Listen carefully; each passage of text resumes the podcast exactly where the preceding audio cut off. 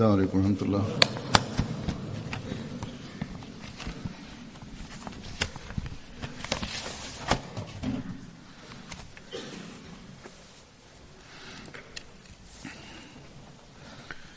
أشهد أن لا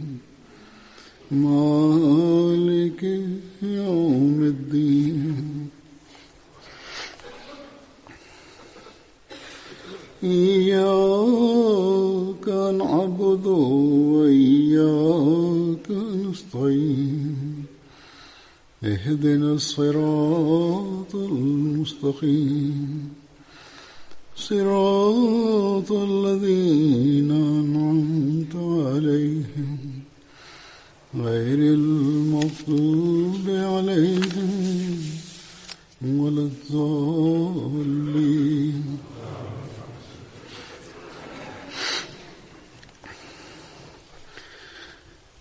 حضرت مسیح موعود علیہ السلام بسم اللہ الرحمن الرحیم حسر kaže da je obećan Mesija alaih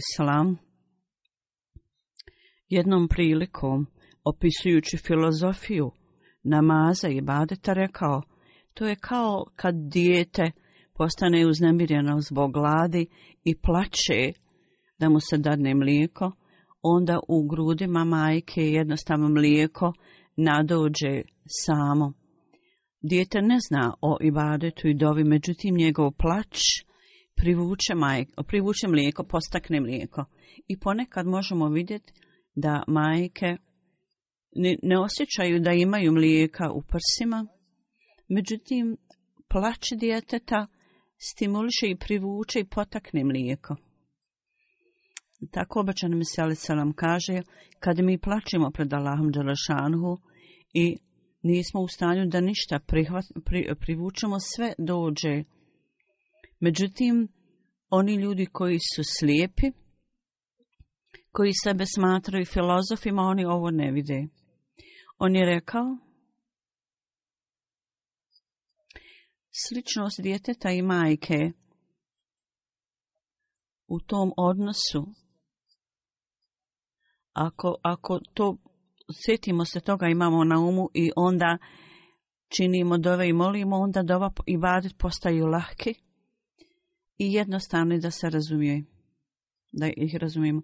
I Allahovom milošću tu je jako puno blagoslova na Ahmedu i muslimanima i na starijim i na mladima i oni u cijelosti razumiju ovu stvar da sa uznamiranošću i brigom ako plaćemo i jecamo pred Allahom kad činimo dove Allahu Đelšanhu i ako ga molimo onda Allah Đelšanhu sluša dove i odgovara na njih. Ponekad imamo određeni primjera primanja dova koje druge ljude i, i druge muslimane i nemuslimane iznenadi. To je za njih iznenadniše neke ljudi kad kažu kad bude očaj sa svih strana i ljudi budu razočarani kad bude takva vrsta situacije, u to vrijeme kad molimo Allaha i upućujemo mu dove, Allah Đelšanu pokazuje svoje blagoslove koji uve, što uvećava našu vjeru i daje nam jakost vjere. Neki takvi događaj su spomenuti u raznim izvištajima i ja ću predstaviti neke primjere toga. Nezar Dauta iz Kadijana piše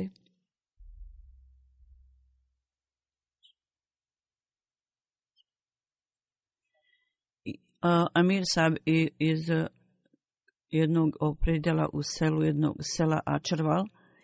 Zato što nije bilo dugo kiše, ljudi u selu su bili jako tužni. Tolika je bila suša da su skoro bunerovi presušili i one su tražili malima vjerskog učitelja da čini da ovaj u istočnom punđabu malim općenito se zo, naziva Mijadži. Oni su vjerovali ako budemo tražili od Ahmedi i Mualima da čini dove, kiša će pasti. U svakom slučaju naš Mualim je prvo prvo im rekao način o islamskom ibadetu i dovi i rekao im o Allahovim atributima i onda je predvodio dovu. Allah Đalšanuhu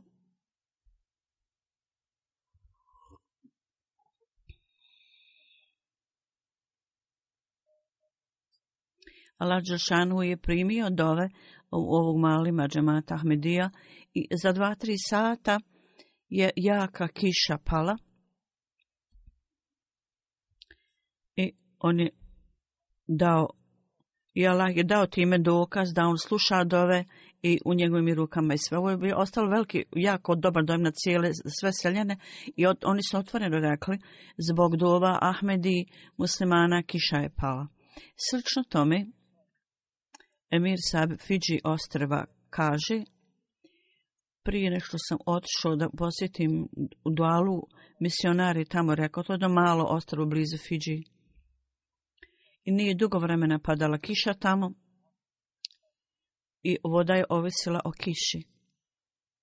Tako da prije nek što sam otišao u obilazak ovom ostrovu, on je meni pisao, uzor kaže za dovo i tražio je dove da, da činim dove za kišu i rekao je kad smo stigli tamo,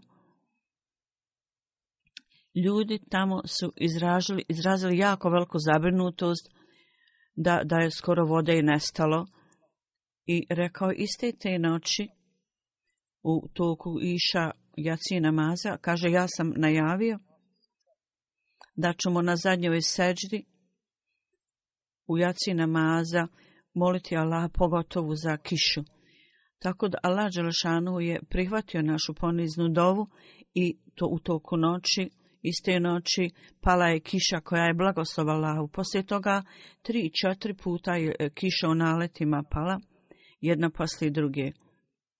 Dok u skladu sta, prema predviđanju vremenske prognoze, oni su predviđali dug period suše. I on kaže, poslije toga gdje god smo otišli, ljudi su spominjali ovu stvar. Vašim dolaskom pala je kiša. Tako biskup katoličke crkve Funeo Fati i poglavica te oblasti također je spomenuo i rekao ovo je čista Allahov blagoslov i džemat i halifa vremena, dove koji su oni učinili, oni su povodi uzrok ove izvanredne kiše ovdje i ova kiša, nije samo sredstvo uvečavanja vjere, nego također postaje sredstvo i način razumijevanja i shvatanja istinitosti obećanog Mesije. Na nekim mjestima, ponekad kad kiša padne, to postaje znak to postaje znak prihvatanja dole i ponekad kiša padne i to postaje znak istinitosti Ahmedijata. Bilo da ljudi to vjeruju ili ne. Međutim, zaista, oni prihvataju ovu stvar, da je Bog Islama i onaj koji sluša dove i prima dove. U Gvinom Bisao, to je jedna zemlja u Africi, Mualim Tam Abdullah Sahib, on kaže,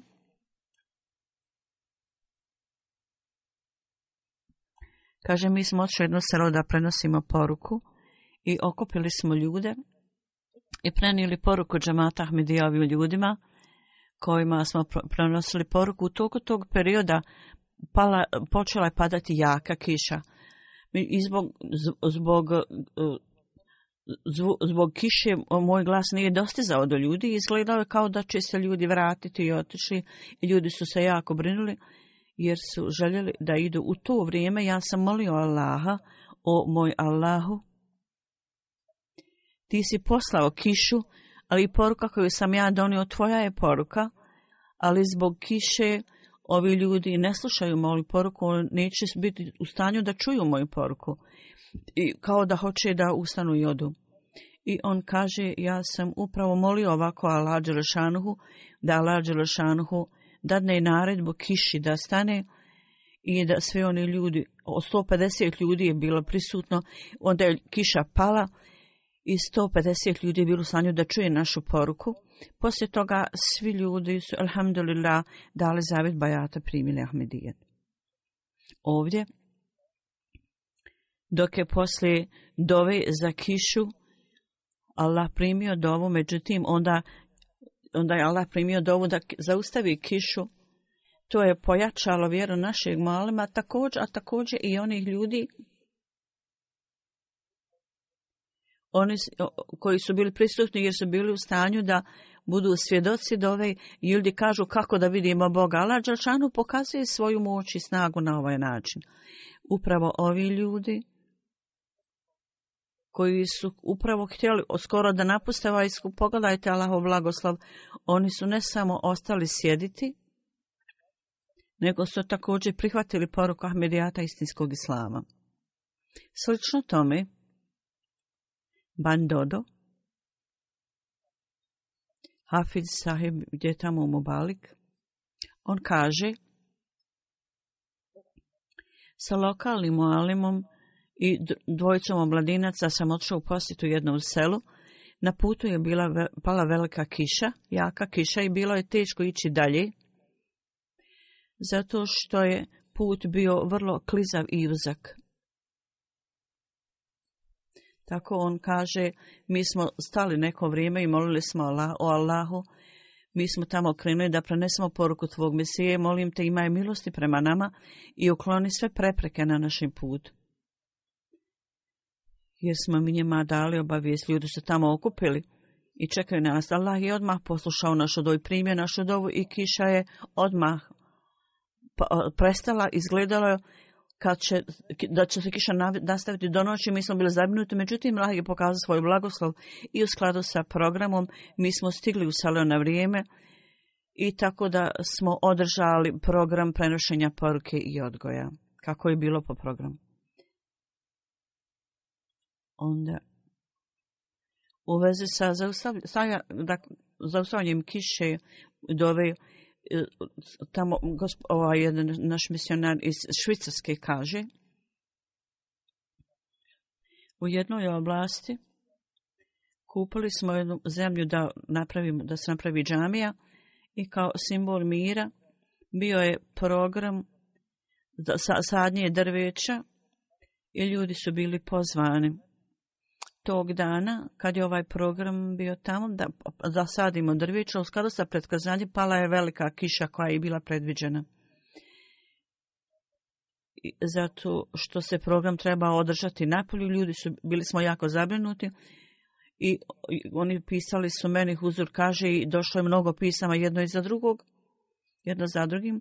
I, i on kaže, na dan održavanja programa, kad smo tamo otišli, prvo je br počela padati jaka kiša i nije bilo nikakvog ukaza da će, da će kiša pasti, međutim, da će kiša stati. A onda, međutim, zbog dova, Allah Đelšanhu je pokazao svoje blagoslove i jedan sat prije početka programa kiša je potpuno prestala i počelo je sunce sijati.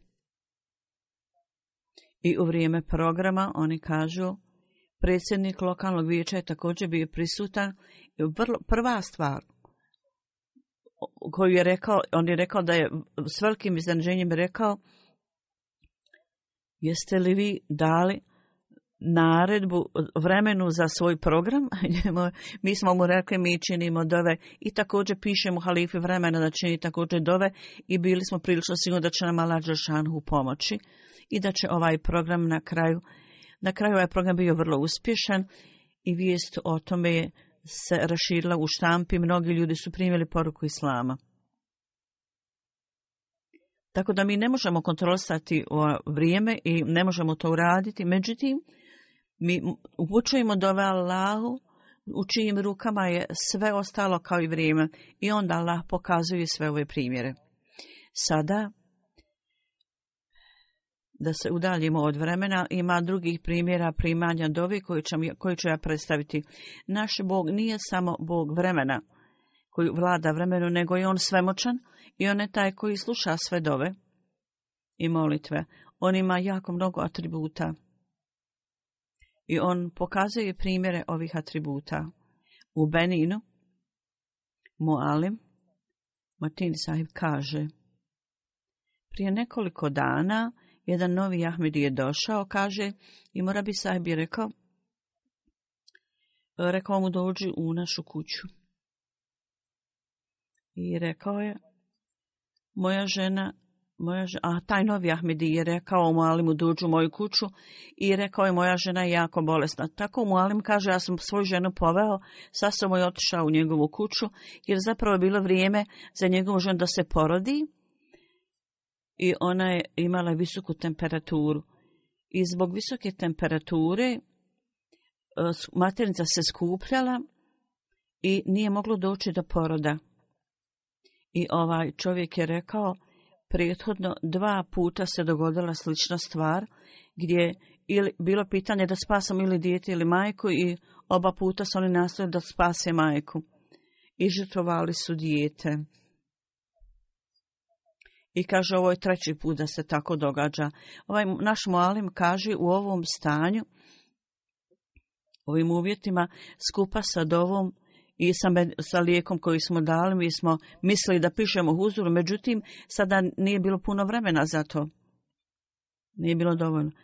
Tako da mi smo učinili dovo i molili Allaha, je, nije bilo više vremena da pišemo pismo, I onda sam rekao, hajde da okupimo se zajedno i da činimo da bi rekao, ja sam prizivao blagoslovljeno ime Allaha Đelešanuhu i, i prizivao sam salavate na Muhammed a.s. i tako sam počeo dovu. Kad sam završio dovu,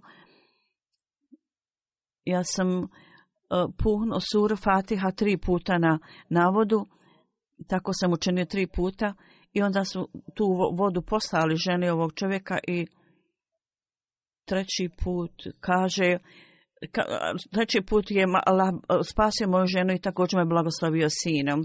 Na ovaj način vjera ovog novog Ahmed je jako ojačana i dobro, u dobro utemeljena na Božoj postojanju Allaha i u pogledu dove njegova vjera je dalje ojačana i od tog vremena on je vrlo pažljiv, vrlo skromno i ponizan i on je postao čovjek od ibadeta.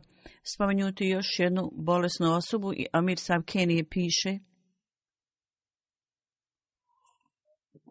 je predsjednik džemata se jako razbolio i kad smo pitali o njegovom zdravlju, on je rekao dvije, dvije bolnice su odbile da me liječi, sada moje stanje je vrlo loše u, u svako vrijeme možete čuti lošu vijest.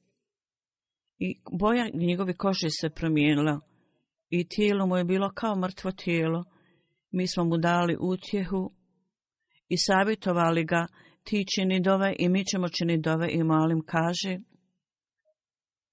On je također pisao pismo meni uzor, kaže, i malim kaže, posle jedne sedmice, kad sam otišao, u istu zajednicu da, da klanjam džumu namaza, vidio sam da je njegovo stanje puno bolje. Posle nekoliko dana on je primio od mene odgovor, uzor kaže posle nekoliko dana, da Allah Đerlešanu će ti, ako Bog da inšala, dati puno, puni oporavak. I Allahovom milošću njegovo stanje se iz dana u dan popravlja. I poslije nekog vremena on je bio potpuno dobro i obavlja svoj posao. dakle, kao rezultat dove, Allahovu milušu njemu je dat novi život i na ovaj način njegova vjera je bila dalje ojačana. Karnatik u Indiji, Amir Zila u oblasti Amir, oblasti Amir piše.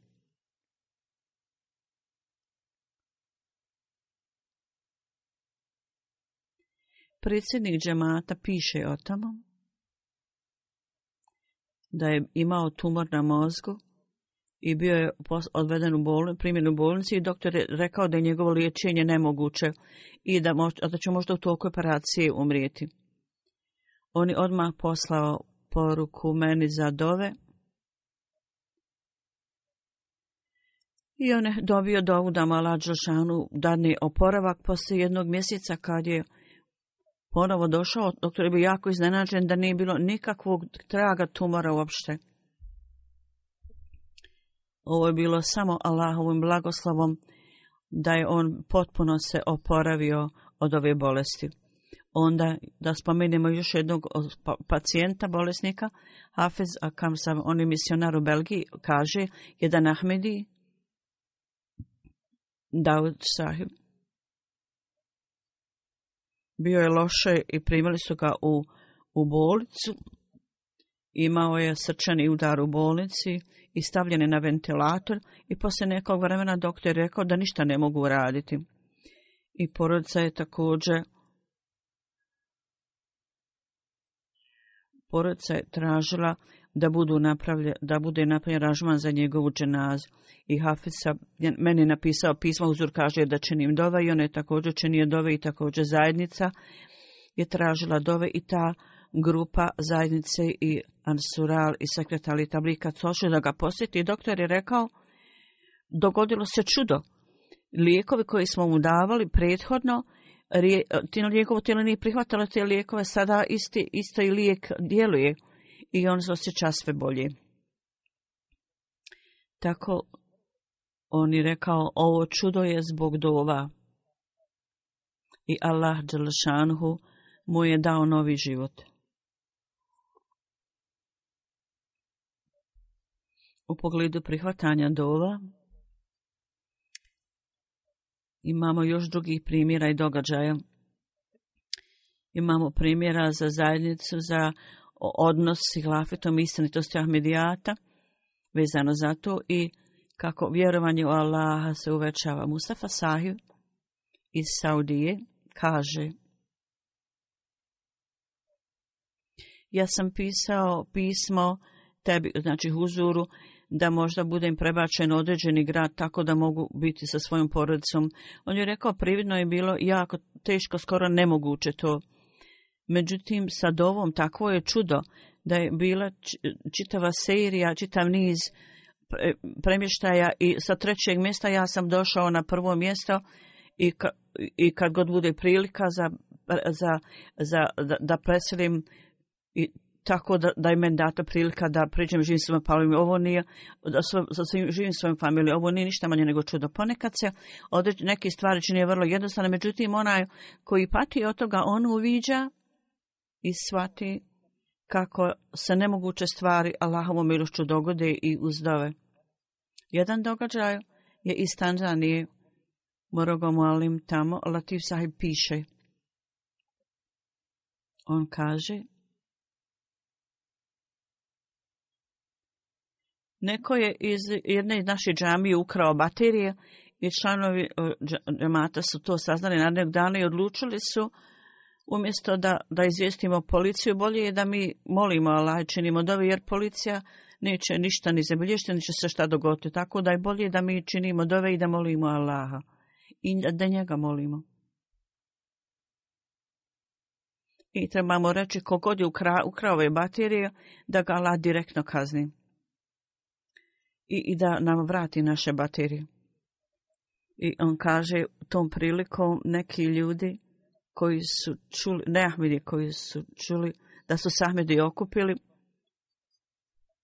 I ova, por, ova porka se poširila selom da kogod je ukrao baterije da ga Allah Đelšanu kazni. I ne Ahmedi su počeli govoriti da Allah prima dove Ahmedi muslimana i da će sigurno kraljevac biti uhvaćen. Jer sada nema za njega nekakvog drugog izlaza. Samo jedan dan prošao od tada, onaj koji je ukrao baterije, rano ujutro stavio je baterije ispred kuće predsjednika. Na ovaj način, Allah Đelešanhu je primio dove Ahmedi muslimana i vjera ne, ne Ahmedi je dalje ojačana o prihvatanju dova i oni su uvedili da su Ahmedi muslimani pobožni ljudi. U svakom slučaju to dokazuje da da kraljevci tamo imaju nekog straha od Allaha i one se boje kad se spomenjala Božje ima. Međutim, hoće u Pakistanu, njihova srca su potpuno lišena straha od Allaha. Allahova naredbe, oni ne, ne slušaju Allahove naredbe i krše ih. I ovo su ljudi koji su stvorili takav nered i nesklad u cijeloj naciji, da Allah ima milosti prema ovim svim ljudima koji im čine i da izbavi ove ljude od, ne, od nepravednih ovih ljudi i hođa. E, opisujući u gineko, ginekori e, Murabisa na, na dužnosti, e, kaže jedan predan novi Ahmed i Musliman Salemar sahib je izrazio je svoju želju da postoji studiranja, želi da služi zajednici, i mi smo ga primili u džema, džemat Ahmedija škol džamija u Piralon i napravljene su pripreme za njega. I onda smo ovo spomenuli njegovim roditeljima koji nisu bili primili Ahmedijat, tako da, da njihovo, njihovo, njihova dozvola može biti uzeta.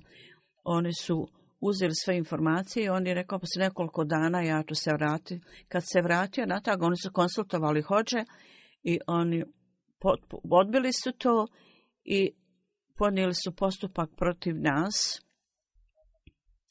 i rekli da džemat Ahmedija su nemuslimani i da, su, da je teroristička zajednica i da zavodimo omladinu i da pravimo od njih teroriste. Tako da, kaže, mi smo se jako bojali i pisali su Huzur, kaže, meni molbu za dove. U svakom slučaju, ja sam odgovorio, Huzur kaže, ja sam im odgovorio. I činio sam dove i traži oni da neprestalno čini dove. I napravljena istraga od strane policije. I kad je pre, džemat predstavljen od policiji i vjera, na, vjera Ahmedi muslimana, Allahovom milošću policijski komesar ne samo da je otkazao slučaj, odbio slučaj, nego je rekao Islam koji predstavlju Ahmedi muslimanima meni izgleda puno bolje i ovaj, i ovaj policijski inspektor rekao dajte mi malo više informacija, ja želim da se pridružim ovoj zajednici. Onda jedan događaj je iz mali oblasti. Mustan Sar Sahib kaže ove godine u Dželsa Salan, na Dželsa Salani Malija jedna, od članova je traženo da dođu, tako da ljudi dođu u velikom broju.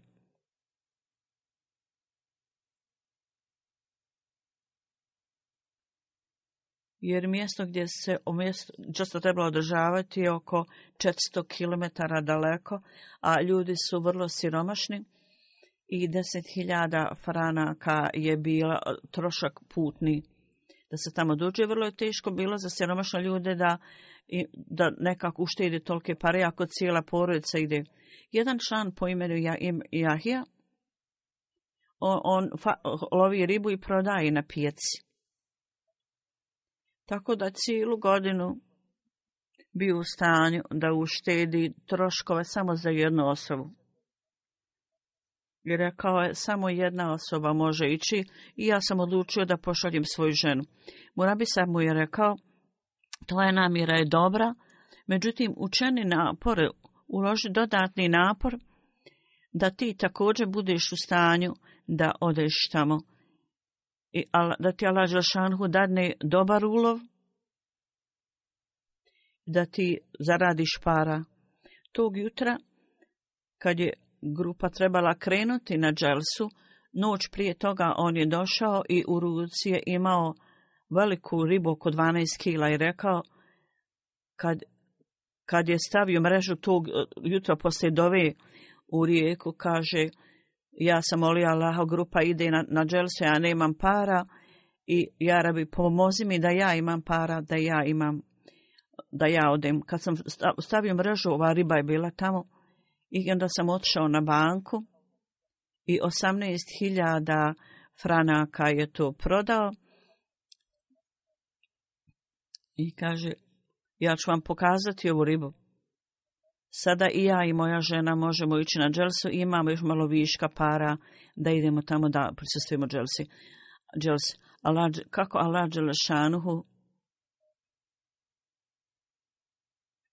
ojačava vjeru i u, u hilafet i, i veze sa hilafetom. Jedan događaj iz Malija. Idris Saib kaže... 2008. kad sam posjetio Ganu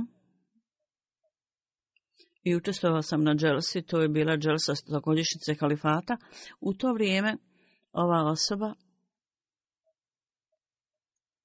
tamo su Ahmedi također pristupali, kaže ja sam imao posao sa kokošima, i ostavio sam kokoške iza sebe u ganu i sve su mi kokoške krepale.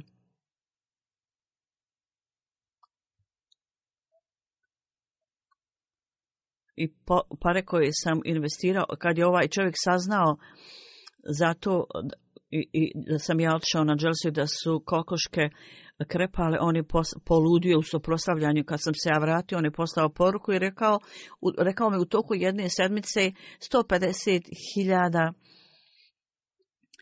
tih novca, no, novaca treba da mu se vrati. Ja sam bio jako zabrinut, Ja nisam imao toliko para, ja sam se bojao da me neće poniziti. Tu noć ja sam molio jako napono Allah da mi Allah Đelšanu dadne nekakav aranžman, da uredi nekako za mene. Ja sam tamo otišao iz Ljubav prema Halifi i otišao sam na Đels. Onda sam usno vidio da, da, da nešto zeleno pada sa nekog kamiona, ja to okupljam i puno i, i žita je padalo ja sam to kupljala. Ja sam ujutro otišao tamo na to mjesto koje mi je bilo pokazano, nije bilo nikakvog kamiona. Međutim, bila je kamara e, žita i ja sam počeo to da okupljam i odjednom sam našao veliku crnu kesu plastičnu i tu je bilo 180.000 franaka u toj kesi. Ja sam pitao ljude tamo, rekao sam, oni su rekli, prošle noći je bio ovdje kamion koji odšao za Senegal. Ja sam rekao da imam pare odakle. I, iz, i, ako nekom tu pripada, neka dođe. Međutim, niko nije došao u svakom slučaju. Osoba kojoj sam ja dugovao pare kad je došao uveče, ja sam mu rekao, sačekaj malo, ja ću ti dati tvoje pare. Allah Đelšanhu je za mene napravio aranžman i ja sam mu vratio cijeli iznos. Sada je prošlo mnogo godina od tada, i niko nikada nije rekao da je vlasnik tih para. Na isti način iz Njemačke, Morabi Sab Hafizullah piše, kaže jedan novi Ahmedi Isan sahib koji je iz Lebanona,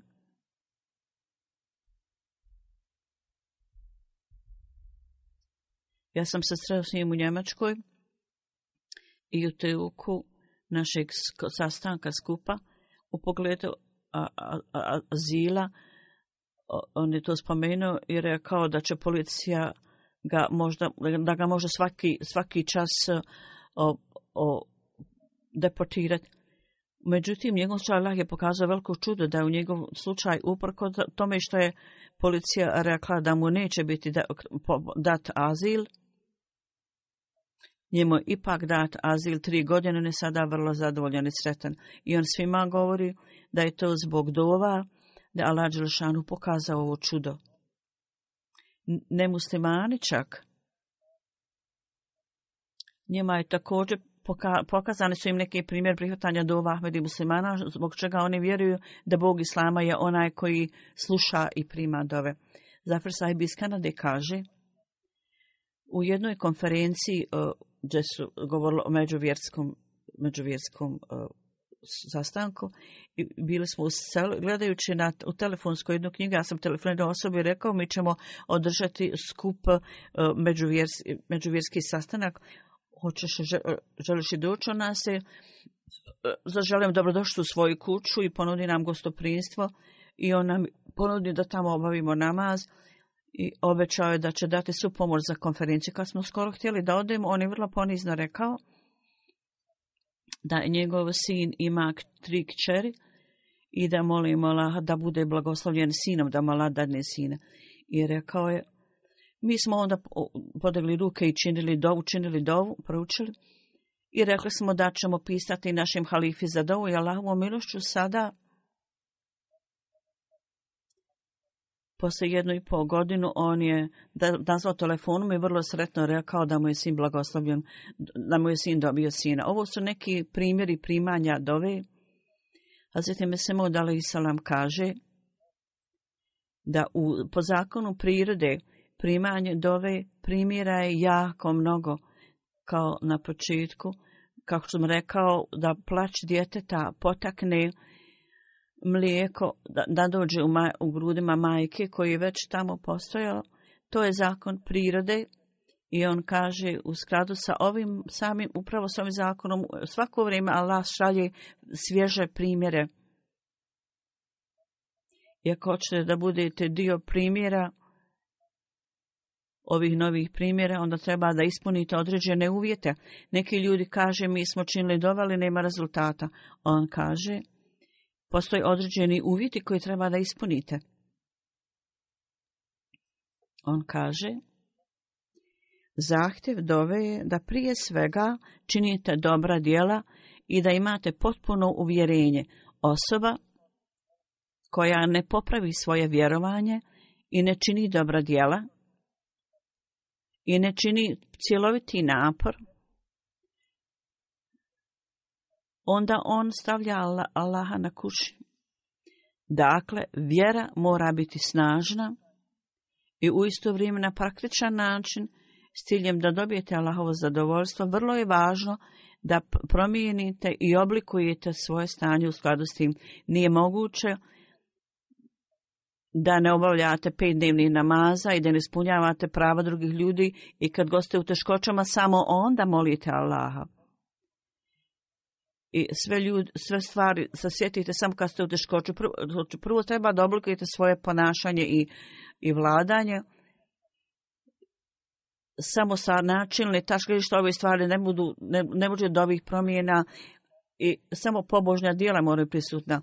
U tim pobožnja dijela moraju ispunjavati dužnosti prema Allahu i također dužnosti prema ljudima, odnosno prava ljudi i prava Boga. Ako to bude prisutno, onda Allah Đelšanu sluša dove.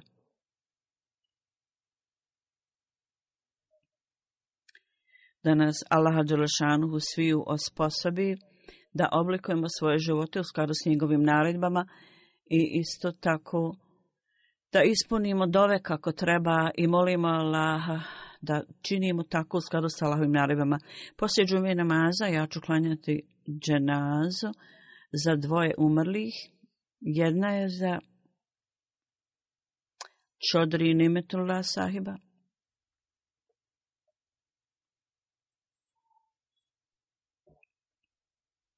on je posvetio svoj život, znači ovako film, služenju islama. Poslije penzionisanja, znači, zapravo prije penzionisanja, on je bio nadglednik i emetka u Pakistanu. 15. januara on je umro u Kanadini na Lilahivi na Ilih Rajin. U njegovoj poruci Ahmedijat je došao Hazreti Hussein Bibi sahiba, majka Čudvisa Ahmedijat je došao kroz njegu. On je dao Zaid Bajata u Kadijanu zbog sna Hussein Bibi sahiba, njen muž Čadri Nasrula sahib, njen sin Čazi Ula Ula sahib je dao zavet Bajata na ruci običan Bisi Salama. On, on je bio pra, praunuk. Njemu je data moja prilika da služi zajednici u, u džematu Hedreba, u Hedrebadu i u bio predsjednik komandarskom cehu Damo Ahmedija, zatim nadgledao je ime je tako u Pakistanu, u Rabi. I od djetinjstva je bio redovan u obavljanju tađu namaza i do kraja života je tako radio. Vrlo redovno je obavljao i je bilo kakvo da je vrijeme bilo, on je uvijek želio da ide u džamiju i klanja na, obavlja namaz. Bio je, imao je vrlo uh, Irva de, duboku vjeru u primanje dova i njegova veza sa Klapitom bila vrlo snažna i smatra je vrlo važnim učestvovanje na dželsi. Jedan put prije hilafeta, sred klifatul Mesih Rabi, prije što je postao halifa, bio je u obilasku u Hedravadu. Na putu je bila kuća Čadri Sahiba, on je tamo otešao i tamo bostao dva dana. Čadri Sahib nije bio kod kuće, i on je rekao njegovo ženi, ti sada obavljaj službu religiji. Inače, oni služuju zajednice na jako mnogo načina, međutim, sada to ra čini redovno. Kad je primio ovu poruku, on je odmah posvetio svoj život i napisao pismo halifi da to prihvati. On je svuda stizao prije nego drugi radnici stignu. On je dolazio u kancelariju prije drugi, je vrlo strpljiv i ustrajan i zahvalan i vodio je brigu o stanju drugih ljudi i kontrolisao, vrlo, vrlo, bio je vrlo mehkog srca.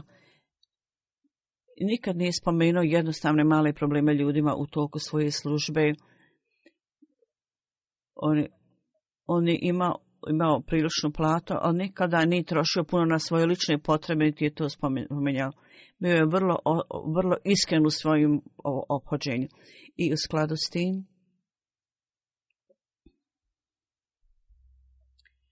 vlasnik ove, ove tvornice tekstila i gazda imali su veliki, veliko poštovanje prema njima zbog njegove iskrenosti. Njegov sin je onda započeo tekstilnu onu proizvodnju u Feslabada, Feslabadu. Tamo je bilo mnogo vlasnika. I rekli su kako možete raditi posao bez ikakve garancije. Međutim, oni su rekli dovoljane, dovoljane garancija da se ti sin Čadri Sahiba. On imao vrlo veliku popularnost i uživao je ugled među ljudima. On je tražio od svoje djece da uvijek pišu pismo halifi vremena. I za sebe je ostavio tri kćeri i dva sina. On je bio član programa oporuke. Okay.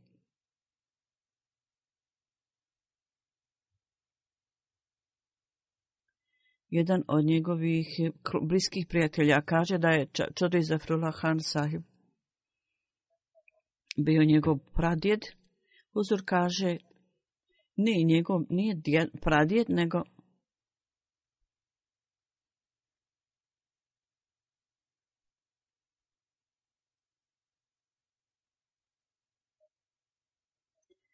nego su otac Čodri Zafrula Otac njegov je bio rođak Čudiza Fulakan Sajve. Jedan put je on saznao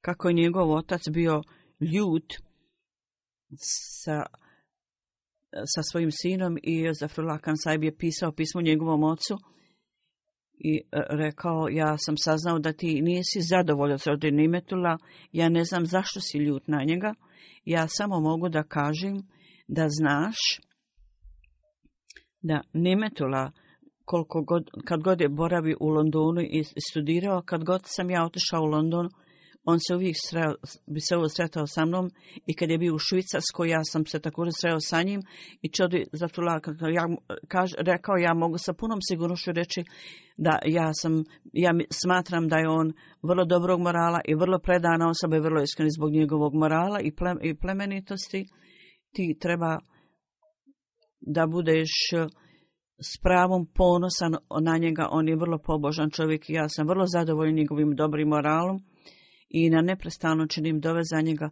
Čak i sada ja činim dove za njega i rekao, ja mogu istinu reći da od tri, tri rođaka Nimetula,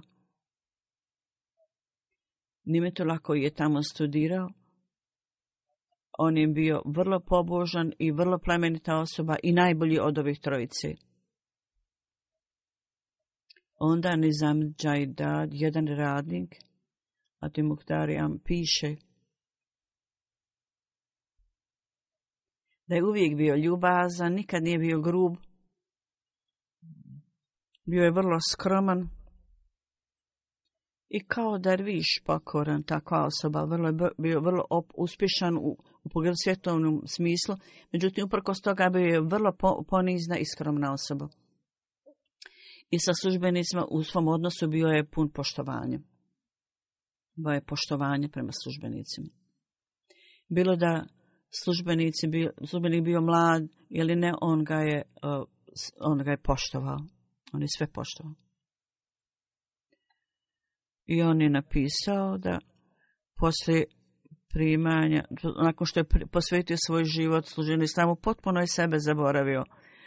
Nije nikakvog aspekta, nimalo a oholost je bilo u njegovom životu. On kaže,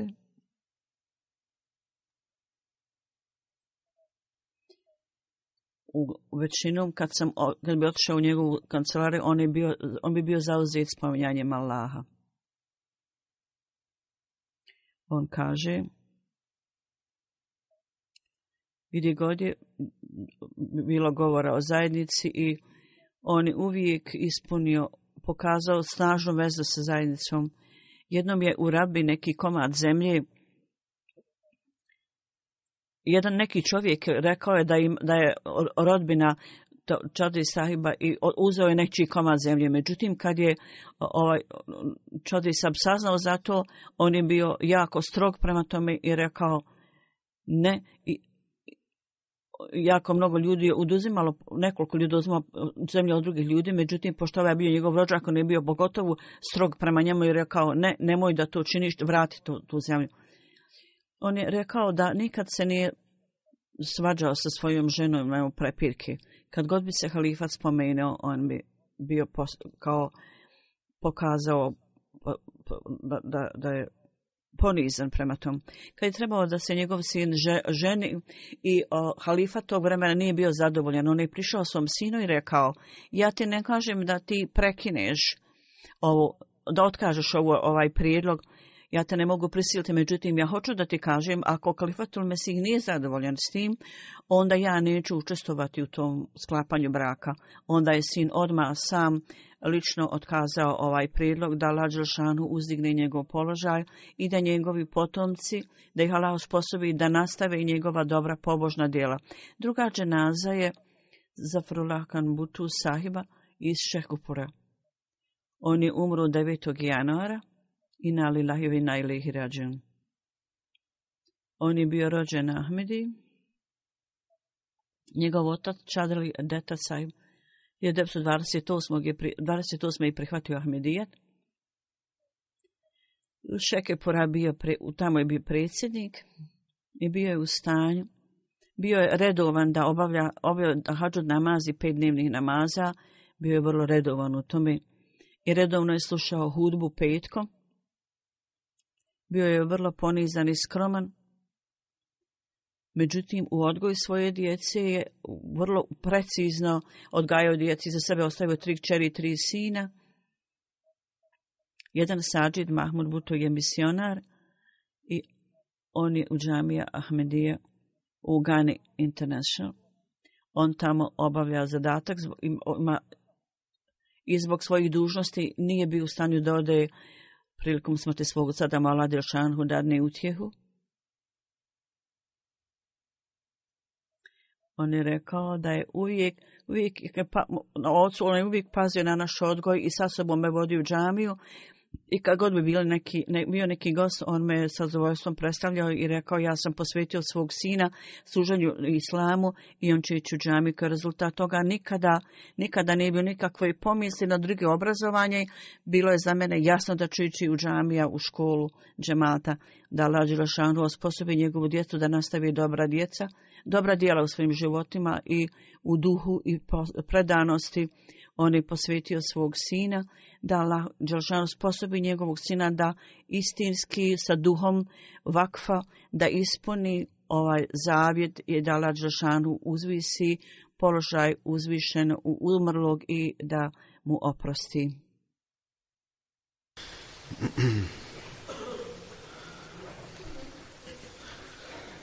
الحمد لله الحمد لله نحمده ونستعينه ونستغفره ونؤمن به ونتوكل عليه ونعوذ بالله من شرور انفسنا ومن سيئات اعمالنا من يهده الله فلا مضل له ومن يضلله فلا هادي له ونشهد ان لا اله الا الله ونشهد ان محمدا عبده ورسوله عباد الله رحمكم الله إن الله يأمر